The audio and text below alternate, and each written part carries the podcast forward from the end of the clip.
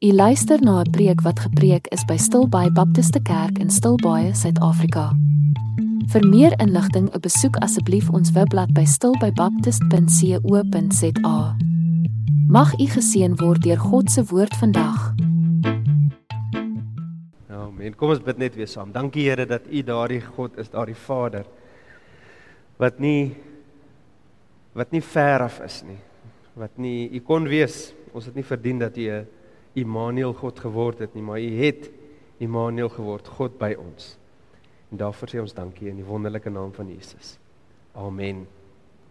Ons is besig met 2 Tessalonisense en wat ons een manier wat hierdie die boek kan beskryf is hierdie idee van groei tot hy weer kom.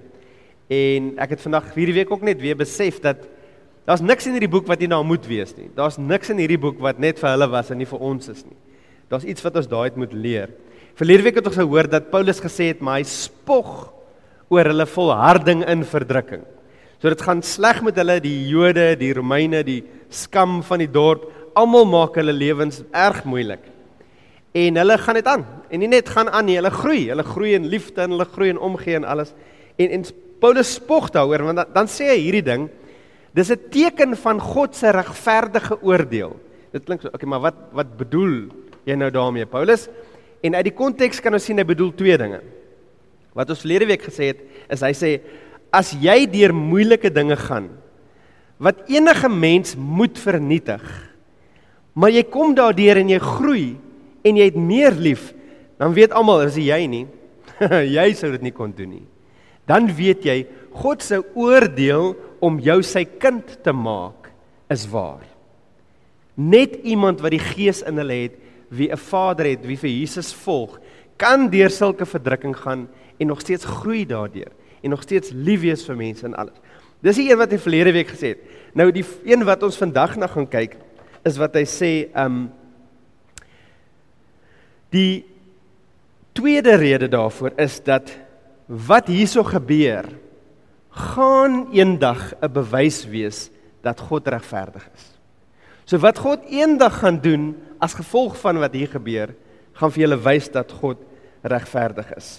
Ehm um, OK, so, kom ons praat 'n bietjie oor want want ons gaan vandag praat oor hemel en oor hel.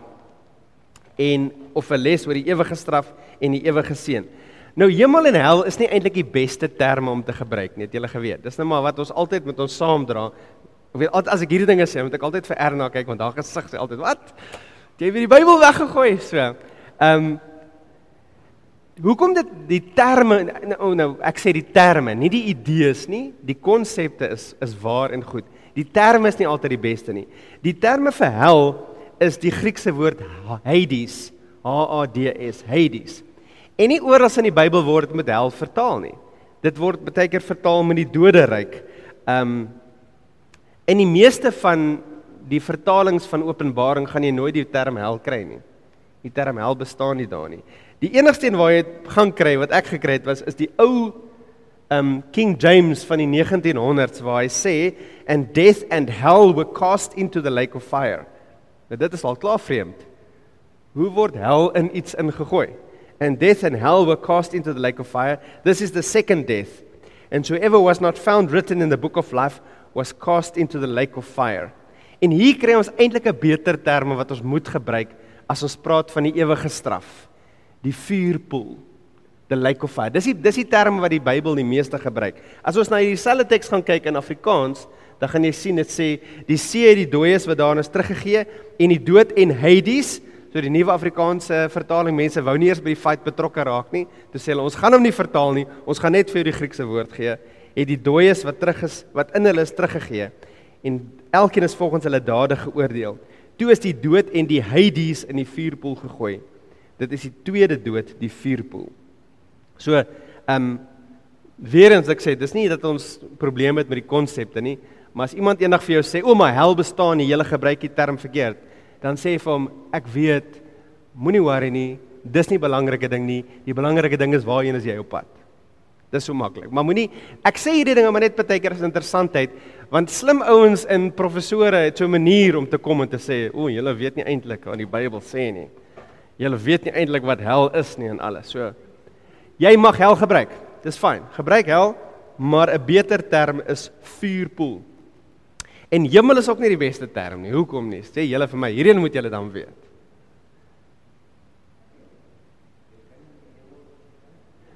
Ja, is die hemel ons ewige bestemming? Nee, ons is nie. Dit is die probleem daarmee. Is die aarde ons ewigste enige ewige bestemming? O, oh, hier kom dit nou deur. Dit was 'n trick question geweest. Die nuwe hemel en aarde. So dis nie verkeerd om te sê ons ewige bestemming is die hemel nie, want die hemel en die aarde gaan een word en ons gaan op die aarde woon en die hemel gaan hier wees. So dis baie keer vir my vreemd dat mense het hierdie twee konsepte. Hulle het die konsep van ons gaan altyd in die hemel bly, maar hulle het ook die konsep van wedergeboorte. En hulle bring nie die twee bymekaar nie. As jy in die hemel gaan bly, waar pas wedergeboorte dan? Meen nie wedergeboorte nie van jou siel red nie, van om 'n nuwe liggaam te kry. OK. So die beste term om te gebruik en dit is heeltemal net teoreties is die vuurpoel of die hemel en die aarde, die nuwe hemel en die nuwe aarde. Maar as ek sê, dis net terme. Die konsepte bly staan. Die konsep was nog altyd gewees, daar's 'n plek van straf, ewige straf. Ons gaan vandag weer sien en daar's 'n plek van ewige heerlikheid saam met God. So jy kan jou Bybels oopmaak daar by 2 Tessalonisense 1 vers 6 tot 10. Ons gaan daarso lees. Ons tema vir vandag is God se oplossing vir verdrukking. So as jy jou Bybel daar gereed het, kom ons bid net eers saam. Hemels Vader, dis nie dis nie eintlik lekker om oor die ewige straf te praat nie. Dit dit kan vir geen mens wat 'n liefde vir ander in hulle hart het lekker wees om aan die hel te dink nie. Dis nie lekker om te dink dat iemand vir ewigheid daar gestraf gaan word nie. So Here, laat dit ons aanvuur om om iets te doen, om uit te praat, om te waarsku, om u lig te skyn, om nie weg te steek wat die Bybel sê gaan gebeur nie. Dat ons meer mense daarvan kan red. Dit is ons begeerte, Here. Wees u ons krag en gee ons die geleenthede om mense te te sê dat daar is 'n beter pad wat U voor ons stel. Ons bid dit alles hier in die wonderlike naam. Amen.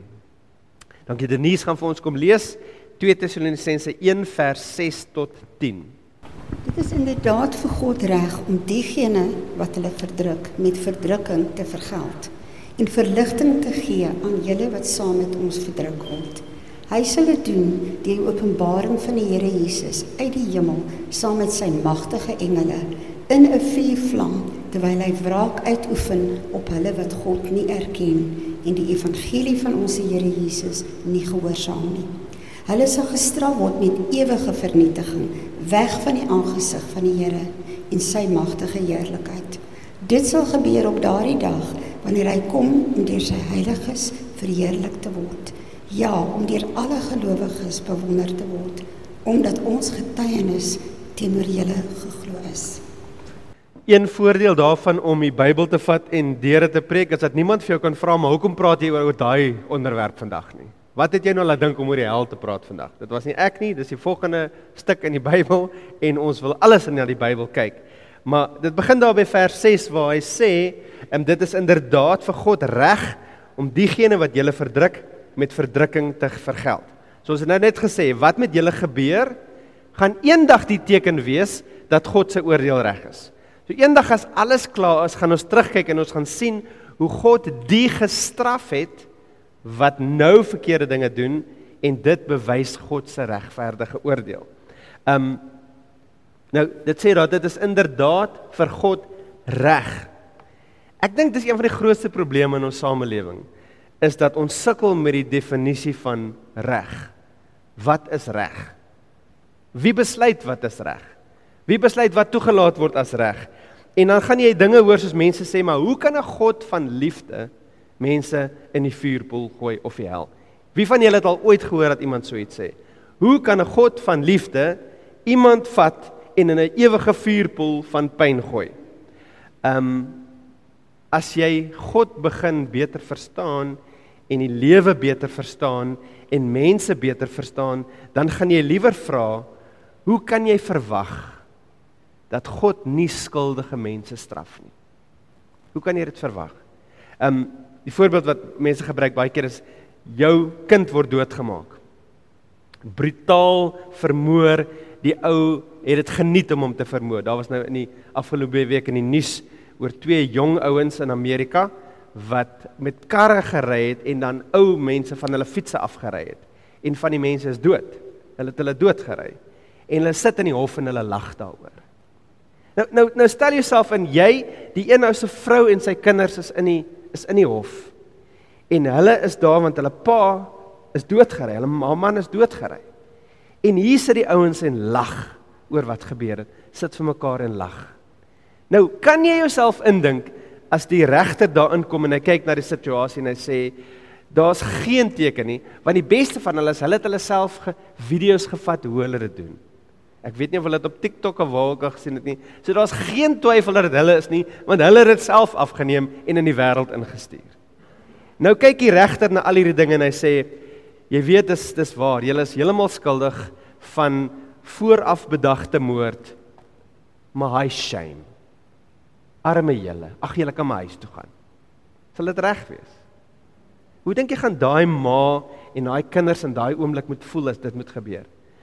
Maar dieselfde mense wil na God kyk wat hierdie wêreld gemaak het om hom te eer en hulle draai hulle rug op hom en hulle verwerp hom en hulle wil hê God moet net sê ag hy shame dis okay kom bly maar by my vir altyd waar dit lekker is dis net nie reg nie en dis hoekom ek sê dit is reg vir God om te doen wat hy doen.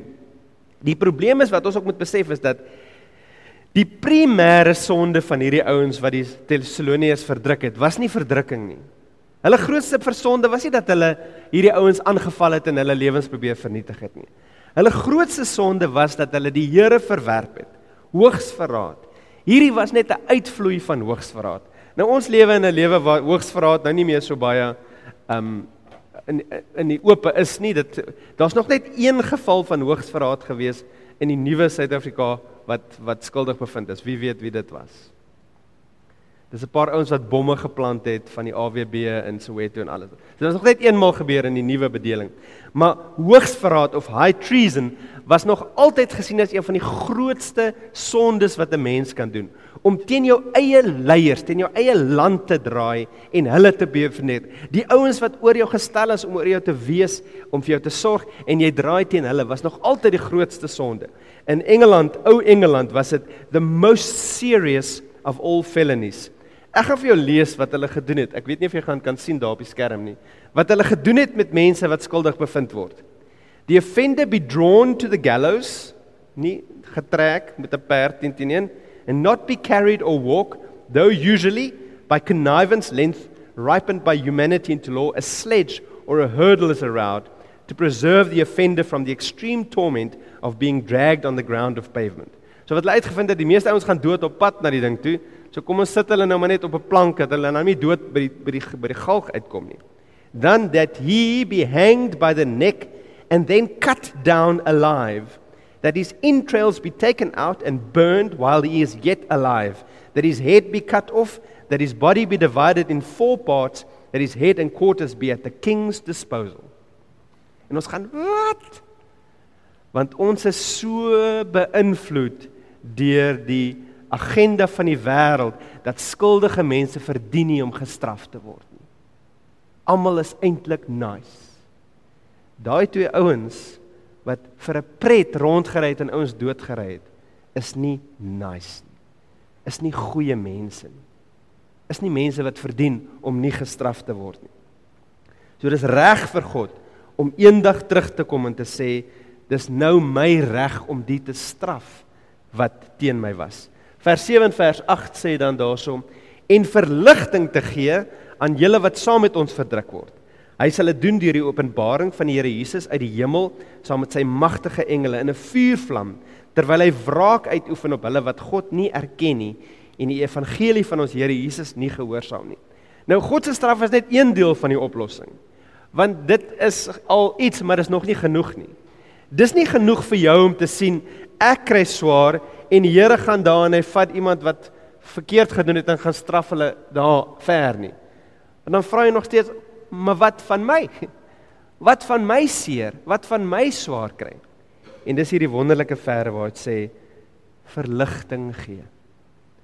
Die Here se wederkoms gaan die slegste dag wees vir die wat hom nie ken nie, maar die beste dag vir sy kinders. Ehm um, so wanneer kom hierdie verligting? Wanneer gebeur dit dat die Here kom en mense straf? As ons hard genoeg bid. As ons genoeg geloof het. As ons genoeg ophou sonde doen en genoeg kerk toe gaan en in 'n deal met die Here maak om jou Bybel elke oggend te lees, dan gaan al die slegte mense weg. Wat sê hierdie teks? Eers dan. Dis bietjie erg. Here, ons wil ons wil nou iets hê. Hulle hulle moet nou gestraf word. En die Here sê as ek terugkom.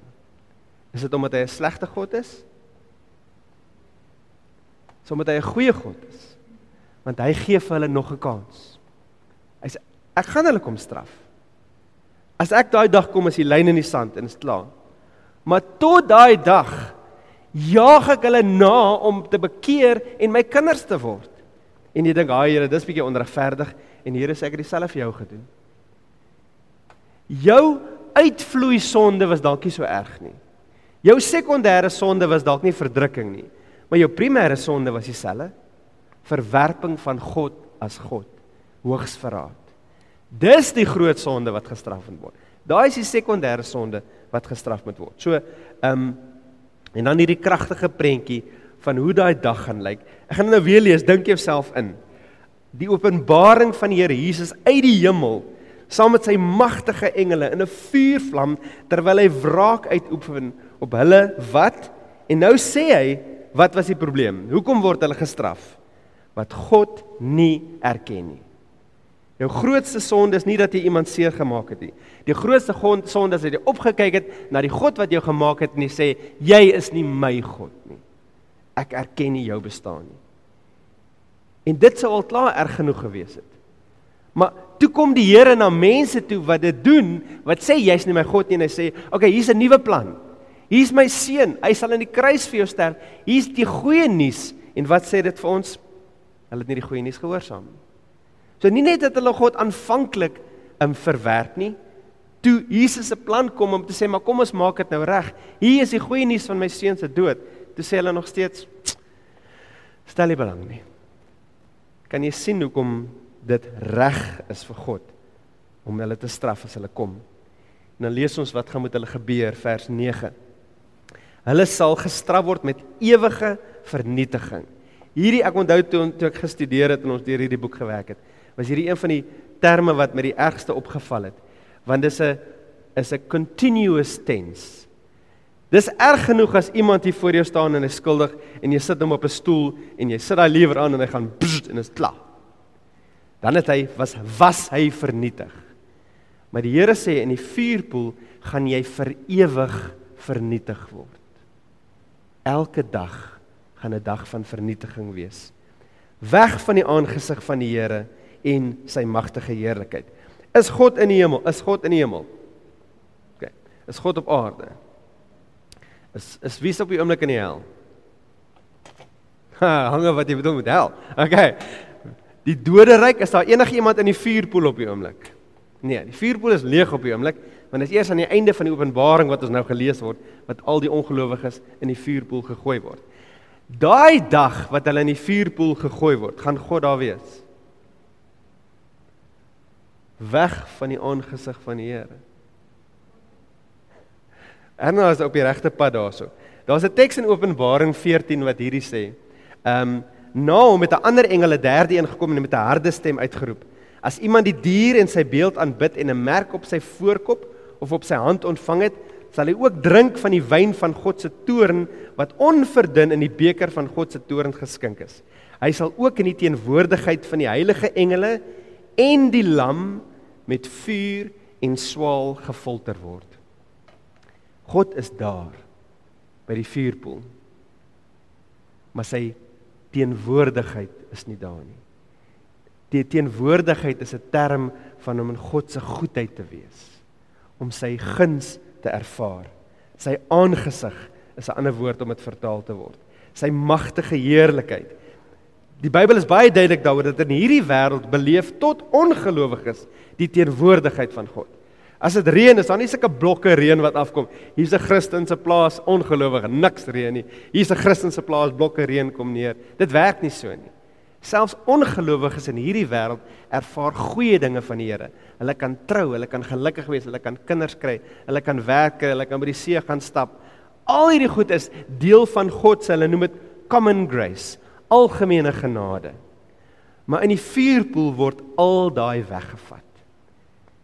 Elke liewe ding wat vir jou goed is en plesier gee in hierdie lewe word weggevat.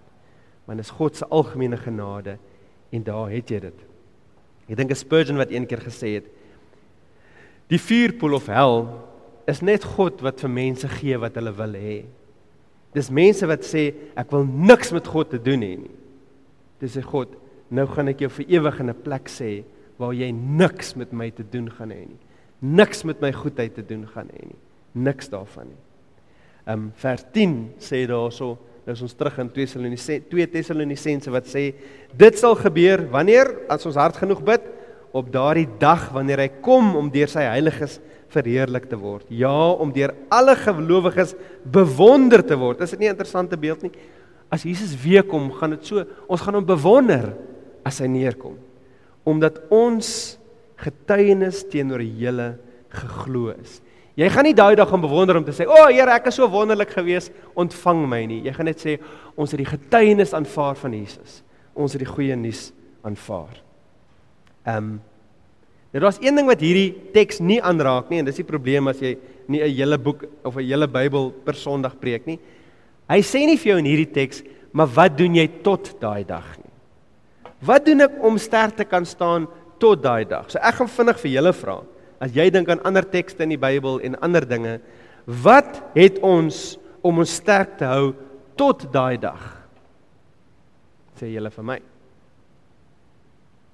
Maak die vraag sin. Dis moeilik. Jesus sê ek gaan nie al die verdrukking wegvat nie. Dit gaan swaar wees. Eendag gaan dit beter word. Wat gee vir ons krag om aan te hou stap tot daai eendag? Heilige Gees primêre bron van alles wat ons nodig het is God wat sê jy gaan nie alleen daardeur nie. Ek dra jou daardeur. Ek is in jou daardeur. Ek is met jou daardeur. Wat nog? Die liggaam van Christus die kerk. Um, al hierdie tekste wat sê as ek swaar kry kan my vriende my gelowige vriende om my kom en my optel en my dra en vir my sorg. En is my altyd so ongelooflik om dit te sien werk in die kerk. Maar ek moet sê hoe groter 'n kerk word, hoe moeiliker gebeur dit hier. Want ek dink as julle almal gaan rondkyk, jy gaan nie almal eers ken wie hier om jou sit nie. Maar dis waar iets soos 'n Bybelstudie, 'n huiskerkie wat deel is van die kerk, dan die plek word waar jy geken word, die plek waar jy bedien word, die plek waar die mense agterkom as jy af is, die mense agterkom as jy nie daar is nie. Dis waar hierdie dinge gebeur. En so wat nog? Die Heilige Gees, die liggaam van Christus, Die belofte is die God se woord om heeltyd ons lees nie net God se woord om te weet wat gaan gebeur nie. Ons lees God se woord want daar's krag daarin om ons sterk te hou totdat gaan gebeur wat dit sê gaan gebeur. Dit is baie ander dinge nog wat volharding ja om om die krag te kan hê om te volhard. Om te fokus op wat God reeds gedoen het in jou lewe, gee vir jou die krag om aan te gaan vir die dinge wat nog voor lê. Kyk, daar's nog 'n hele klomp, ons sal daar eindig. Nou ek weet hierso is mense hierso vandag wat al deur baie diep waters in jou lewe gegaan het. Maar ek dink nie enige van ons en ek hopelik praat ek nie onder korreksie nie wat al hierdie tipe vervolging beleef het waar jy moes uit jou huis vlug omdat jy 'n Christen is. Waar jou familie jou probeer doodmaak omdat jy 'n Christen is. Ek dink nie ons het dit al beleef nie. Ehm um, so ons kyk 'n bietjie van buite af hiernatoe en dit voel bietjie baie keer verkeerd om van buite te kyk want ons kan nie presies verstaan wat hier aangaan nie. Maar soos ons ook laas keer gesê het, ons het geen belofte dat ons dit nie gaan beleef nie. Daar's geen belofte in die Bybel dat Suid-Afrika vir altyd net 'n lekker plek gaan wees waar geestelike vryheid, godsdienstvryheid beskikbaar is nie. Ek dink as jy besig is om te kyk wat in die land se wette gebeur, omtrent elke tweede wet is daar om Christendom te onderdruk.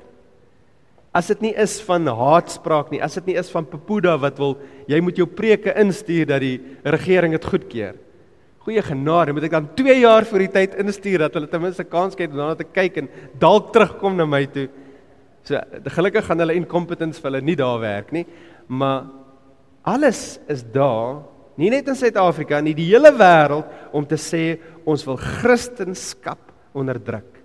Ons wil Christen waardes, Christen norme, Christen maniere van leef wil ons onderdruk. Ons het geen belofte dat dit nie hier gaan gebeur nie. So ons moet gereed wees. Dis die eerste ene. Die tweede ene is dat om die ergheid van die vuurpoel te verstaan, kan vir jou een van twee dinge gaan. Jy kan of sê ag, dit kan nie waar wees nie want God is ek ken God en hy sal dit nooit doen nie. Hy sê vir jou in sy woord dis wat hy gaan doen. So dis die een manier en dis 'n verkeerde manier om te gaan. Die ander manier om aan die ewige ewige vernietiging. Dis die prentjie van 'n gebou wat elke dag afgebreek word en nooit sy einde bereik nie. En dit nog 'n muur en nog 'n muur en nog 'n dak en nog 'n muur. Die prentjie daarvan moet jou dryf om te sê, Here, nie my broer nie. Here, nie my pa nie. Here, nie my kinders nie. Asseblief nie. Gee my geleenthede, gee my die woorde, gee my 'n kans om net hulle te bereik. Stuur ander mense op hulle pad. Hulle wil nie na my luister nie. Stuur mense, Here, dat hulle die goeie nuus kan hoor. Stuur die Heilige Gees dat hulle harte sag kan word vir die goeie nuus. Dis die dis hoekom ons oor hel vertel word. Nie dat ons lekker voel oor die mense wat soontoe gaan nie. Dat ons gedryf word om te sê niemand wil ons daar sien nie. Here stuur u goeie nuus. En dan die laaste ding wat dit ons doen is dat dit vir ons laat bid vir die wat hier deurgaan. Daar's mense vandag op hierdie aarde, hierdie dag wat met vlug vir hulle lewens. Um vrouens wat Christene word en dan maak hulle mans hulle dood, hulle moslimmans want dis hoe die reëls werk vir hulle. Dit gebeur vandag. En so laat al hierdie dinge ons dryf deur die verdrukking waartoe die mense gaan om vir hulle te bid, om sendelinge te stuur, om sendelinge te ondersteun. Maar dit dit is die waarheid van God. Ons kan nie altyd net praat oor die sonskyn en die lekker dinge nie. Ons moet die volle waarheid van God hê dat dit vir ons die krag gee om die regte manier vorentoe te stap. Kom ons bid saam. Here, U is so intens in die beskrywing van die ewigheid en veral in hierdie teks nou oor hoe hoe pynigend, hoe foltering, hoe erg dit gaan wees vir die wat die kanse wat U wat hulle gegee het verwerp het. Vir die wat U verwerp het. Al het U gekom en 'n in 'n plan gemaak en die goeie nuus gebring. Here, ons help ons om nie so beïnvloed te word deur die wêreld dat ons dink dat mense verdien dit nie dat niemand dit verdien nie. Help ons om deur u oë te kyk en te sien maar wat u doen is reg. Wat u doen is reg. Dis nie lekker nie, dis nie plesierig nie, dis nie goed om daaraan te doen nie, maar dis reg. En reg is belangriker as gevoelens. Maar Here, laat dit ons dryf om te bid vir die wat verlore is. Here, laat dit ons dryf om te bid vir die wat deur hierdie foltering gaan van die ongelowiges. En Here, dankie dat ons ook ons oë kan op oophou en ophou vir daai dag wanneer u weer kom en 'n geseënde dag gaan wees vir ons. 'n Dag van om u te bewonder, God met ons. Dankie Here dat daai dag gaan kom. Ons bid dit alles in die wonderlike naam van Jesus. Amen. Ons hoop u was geseën by die aanhoor van God se woord vandag. Vir meer inligting of vir gebed, besoek asseblief ons webblad by stilbybaptist.co.za. Mag u u lewe vind in Jesus Christus en hom alleen.